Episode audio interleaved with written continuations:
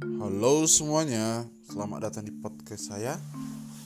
Dan ini setelah kita membahas tentang seri Triple Crown, maka kita masuk pada seri yang menghasilkan kuda-kuda hebat yang layak dipertandingkan di Triple Crown ini.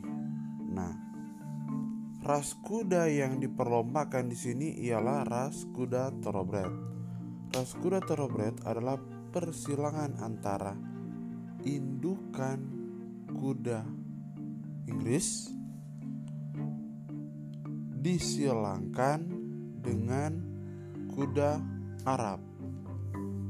Nah, berdasarkan beberapa sumber terdapat tiga pejantan yang sangat berpengaruh jadi tiga pejantan kuda Arab yang sangat berpengaruh terhadap perkembangan kuda pacu ras thoroughbred yang pertama Berletur Godolphin kedua adalah Godolphin Arabian dan ketiga adalah Derli Arabian.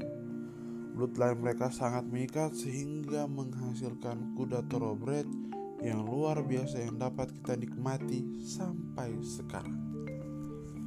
Sangat beruntung ketika menikmati hasil ternakan dari thoroughbred yang dikembangkan ratusan tahun untuk menghasilkan bloodline yang sangat berkualitas sampai pada titik sekarang. Luar biasa para peternak di Amerika dan di Australia dan di berbagai negara yang mempertandingkan kuda thoroughbred sebagai kuda pacu mereka. Nah, untuk lebih lengkapnya kita akan simak pada podcast selanjutnya. Thank you. Thank you, thank you, thank you.